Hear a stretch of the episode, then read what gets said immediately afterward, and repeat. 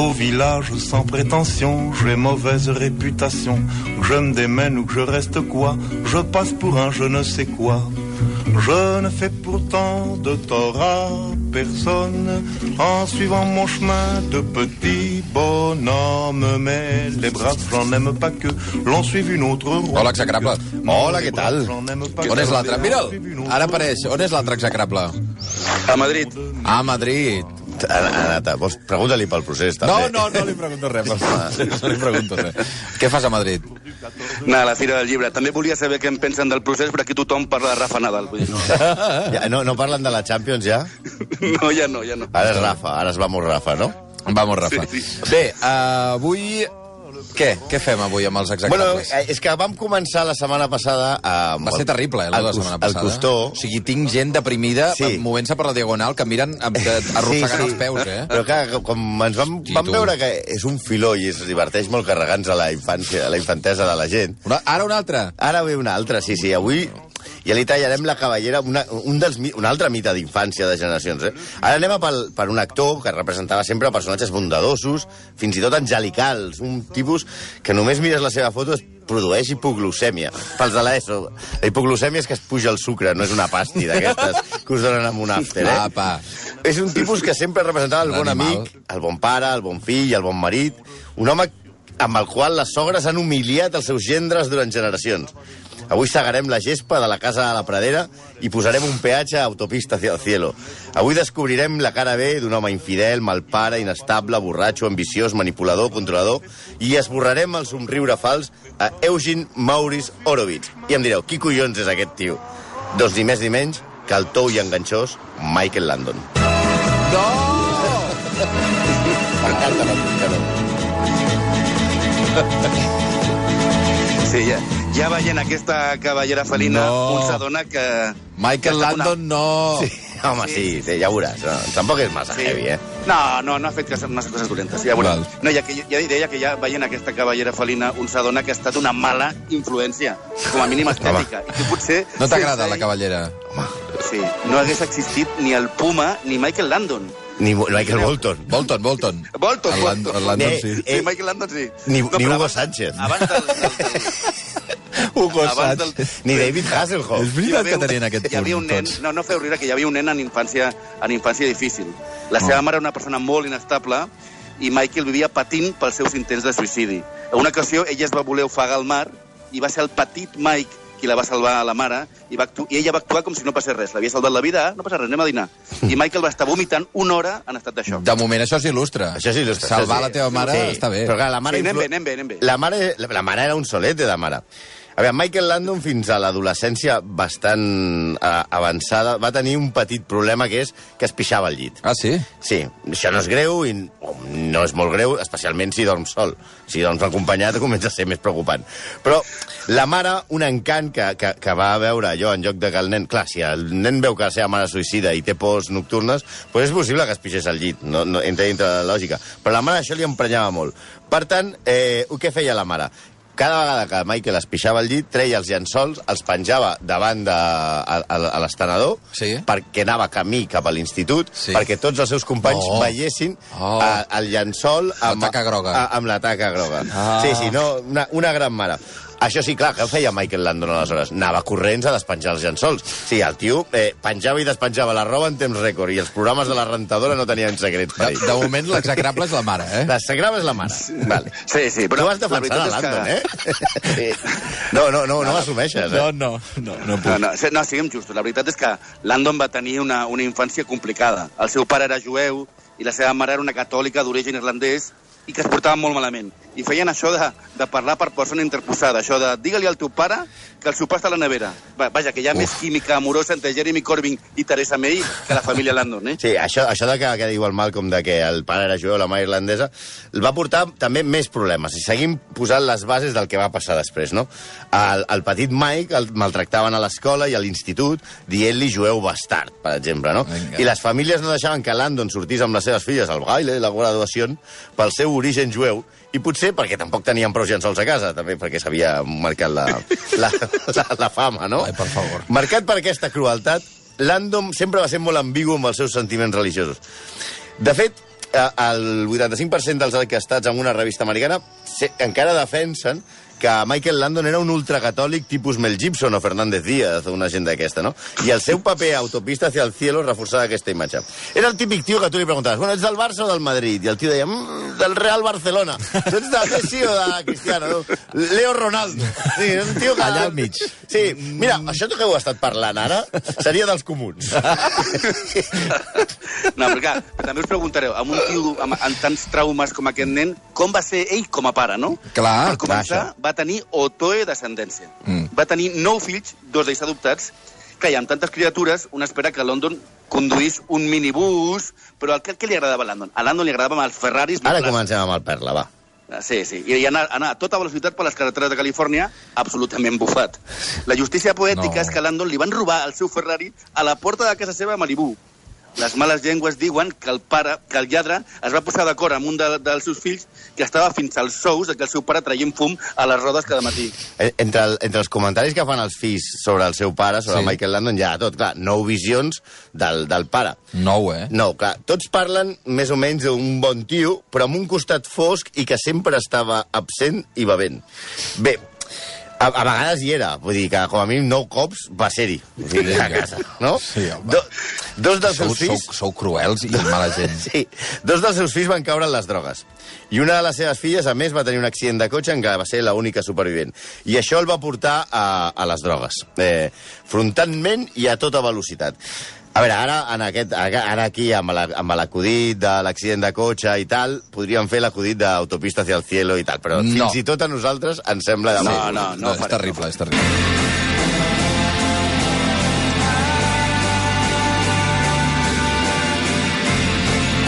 Sí. Aquesta és la música de Trainspotting. I Ah, per què sí? posem Trainspotting? Sí, sí. Home, m'imagino, què? m'imagino. Si esteu parlant de drogues, m'imagino eh? què fem a Trainspotting. No, perquè ell és que sabia molt, molt d'addiccions, ell. Ah. Ah. Era un bitxo raro al seu institut Sí. i va entrar a la universitat amb una beca d'esports, concretament pel llançament de javelina. Era un gran llançador de javelina. Sí o no? Sí, sí, sí. Michael era. Landon era bon llançador de Sí, javelina. sí, sí, sí, Camp va ser el millor dels Estats Units a una, una època, sí. Però una universitat de la que el, el van fer fora per violent. Però bueno, això és un altre tema. Menys mal que feia llançament de javelina. en, en aquesta El millor que li pots donar a un tio borratxo és una javelina. I violent és una javelina. Violent i borratxo. Vinga, una javelina. No, i per tu. Va, no, per en aquella favor. època estava enganxat, no sé com es diu, el meprobamat, que no sé què collons és, però deu ser una droga. És, una, No sé és, un, és, és una, el, això de que per posar-se catxes. O sigui, era, Ah. era, era doping.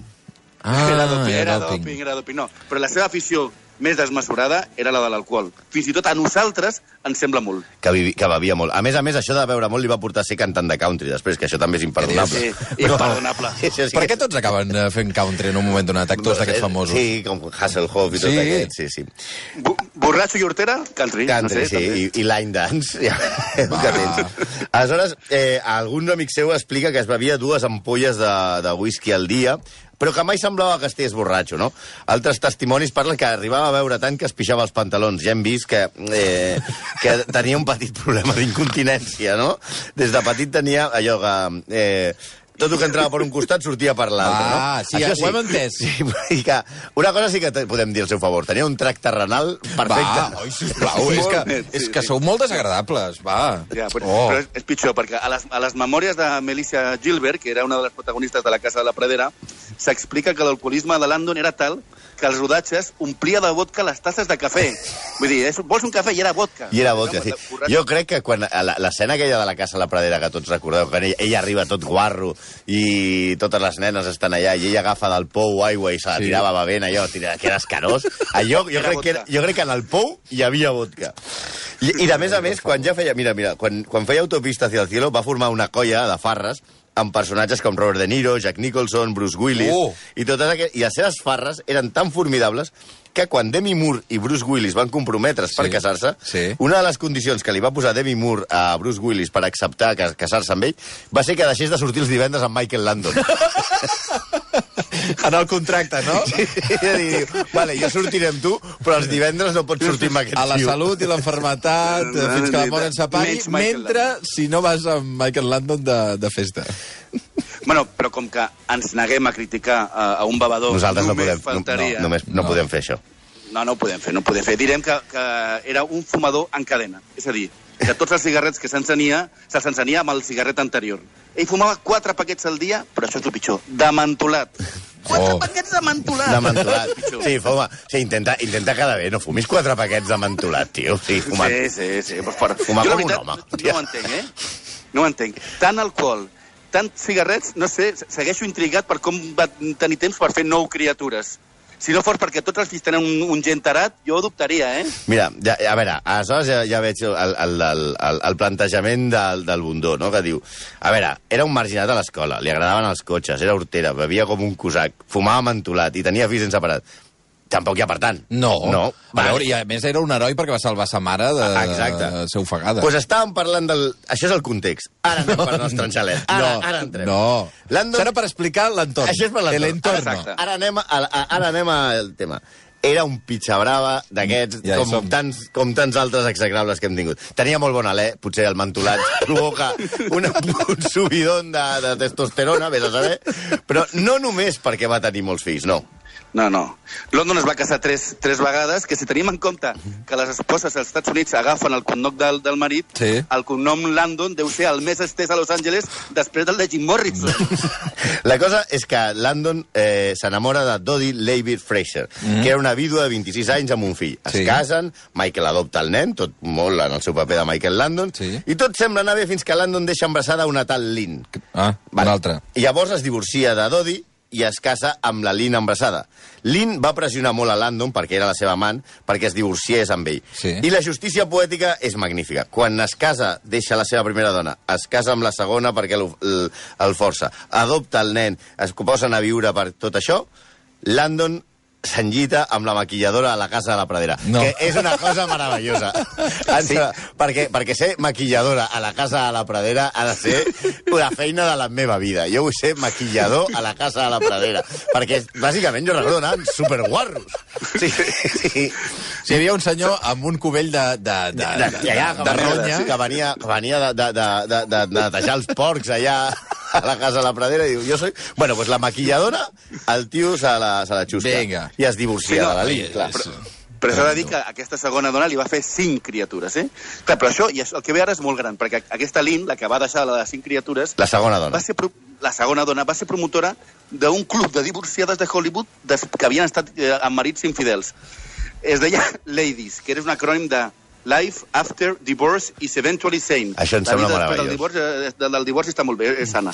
Lynn va ser l'única de les tres esposes que no va, ser- no va ser a l'enterrament de Landon perquè va declarar a la premsa que per ella Landon havia mort fa molts anys.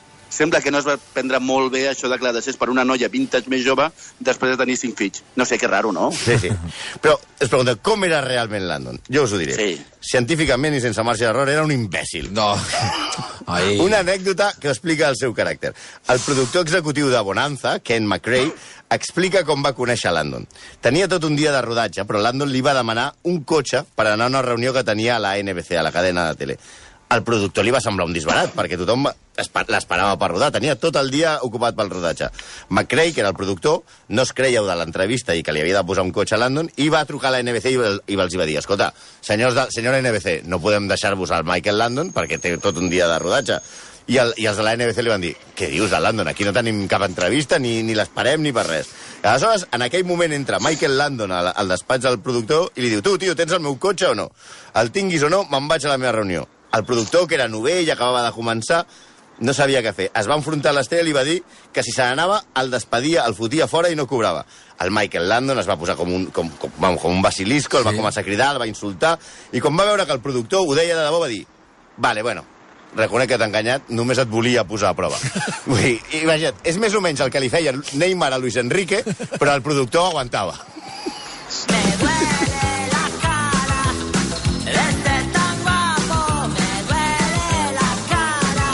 Home, guapo era. Sí. Sí, era guapo, sí, guapo. Però aquesta música ve, ve al cas per una anècdota que explica Ed Friendly, que és un dels dos creadors de la Casa de la Pradera. Landon es volia quedar amb tot el show. La producció, la interpretació, els guions, la direcció... Va, no feia dels nens petits perquè no, no colava, no? No feia de Laura Ingalls perquè no li quedava bé el tutú. Però... Sí, exacte. Però aleshores què va fer el Landon? Li va fer la vida impossible a Ed Friendly. En una, en una ocasió, davant de tothom del, de l'equip, Landon va dir soc perfecte. És un problema que he tingut tota la vida. Com deia el Santi, un imbècil. Ed Friendly va abandonar el projecte abans del primer capítol de la sèrie i el camí de per Landon es començava a aclarir. Michael Landon es va aconseguir quedar amb, amb tot, amb tot. Produïa, dirigia, escrivia, interpretava, mm, triava els actors... Era un trepa sense parangó. Deien que era molt perfeccionista, però la veritat és que quan no es feia les coses com ell deia, encara que fos una estupidesa, es posava com Sauron amb ressaca. Era un cabró de cuidado. Es veu que, segons tots els, els que van treballar amb ell, expliquen que era un nazi que no era precisament divertit treballar a la casa a la Pradera. Sí, gai- gairebé tothom abandonava el projecte, menys els pilotes, com Víctor French, que va ser la seva parella també a Autopista hacia el cielo. Els pilotes sempre expliquen que era molt graciós i que explicava molts acudits. Els que ho van patir diuen que era d'aquests que explica acudits dolents i picants, que molt veig, que tothom ja, ja se sap, i que es reia ell el primer per indicar que ja havia acabat l'acudit, no? Ara us podeu riure, ja, ja estic rient. Landon era, era un cunyau en tota regla, el rei dels cunyaus, vaja. Sí, i li agradaven molt les bromes pesades. Per exemple, com dir-li a un càmera, quan està gravant, tira una mica més enrere pel plano, tira una mica més enrere, tira una mica més enrere, i hi havia un esglaó i patapum, i el, i el tio queia. Una altra de les seves especialitats era fer bromes amb aranyes i serps, allò, amagar amb una tassa o amb una olla i espantar la gent. O sigui, el, el cunyau tarat, eh? Perquè hem de, hem de tenir en compte que a la Casa de la Pradera la meitat del repartiment eren menors d'edat.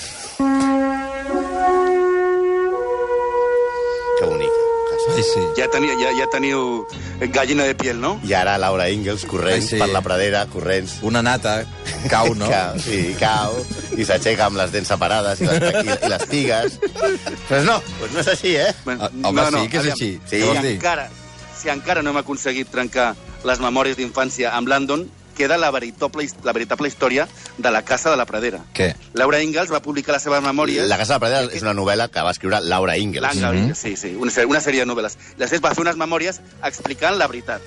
Aleshores, Laura Ingalls va publicar les seves memòries i aquest món idíl·lic que descrivia no va ser tal. Les seves memòries són plenes de prostitució, homes que volen cremar en carusel a les seves dones, intents de violació d'un borratxo a les seves filles que cuidaven un porquet que, per cert, tenien el porquet fins que el degollaven i després jugaven a la pilota amb la seva vesícula. Però què estàs La dient? casa de la- Sí, sí. La Casa de la Pradera, eh, la, la novel·la, les novel·les de veritat, són de terror. Ah, Això és la novel·la? Sí, sí, sí, sí. La sèrie és superadulcorada. Clar. Però la novel·la Laura Ingalls explica Clar. que, que, que el, els senyors com el- el Charles Ingalls Sí. arribaven a casa supermamats i violaven a les seves filles. Això al llibre? I, i, que, i que pagaven a les dones, sí, clar. O sigui, la meitat del llibre i la meitat de les memòries. Ella ja Però què va estàs dient? una mica, no tant com la sèrie, després va fer unes memòries on deia la veritat, la veritat, la veritat és que el món aquest de, dels pioners i no sé què era una puta merda, eren tots uns borratxos, Hòstia, uns salvatges, no. i la vida era una puta misèria. Vinga. Sí, sí, era... Eh, seria Disneylandia per Leatherface. Sí, la matança, la, la matança de. Texas eh, eh, seria un lloc on, on, on, on a los jóvenes... Eh, O sigui, la- Laura Els pioners eren, eren molt, molt brutos. Quan, quan queia allà i, i s'aixecava amb aquella alegria... No, i, no. I allò que No. cuidaven el porquet i tal, El- no. el degollaven. El degollaven i a jugar a la pilota amb la vesícula, el porquet. Molt, molt bé. Per acabar, finalment, una anècdota de Michael Landon que el deixa com els científics seriosos els antivacunes tipus Cárdenas, eh? Vull dir, un tio molt, molt intel·ligent. Michael tenia la teoria, i això no és broma, això ho va escriure i ho, i ho deia moltes vegades, moltes vegades, eh? Tenia la teoria que el seu pèl, la, la, la mata pèl que tenia aquesta, Sí. en plan eh, Michael Bolton, el puma, era un do de Déu que li donava força. Creia que el seu cabell era fonamental perquè ell pogués llançar la javelina molt lluny i la prova, pel tarat aquest del Landon, està clar, és que quan es va tallar els cabells ja no va guanyar més a, la, a, a, a les Javelina. competicions de javelina a la universitat. Es creia una mica un Samsó. Un Samsó amb moltes de liles i masses daiquiris. Va morir de càncer pancreàtic eh, fruit de la seva addicció a l'alcohol. Quin desastre, però, però quin, Quin desastre. Qui... No, ell, la casa de Pradera, tot. O sigui, sou un, de... sou un desastre. Jo no vull saber-ho, això. És que no vull saber-ho, ja està. S'ha de saber tot. En fi, S'havia de dir. Algú, algú ho havia de dir. gràcies per dir alguna cosa. És una feina bruta, però Algú l'ha de algú de fer. Les 11 i 6 minuts. Gràcies, Santi. A vosaltres.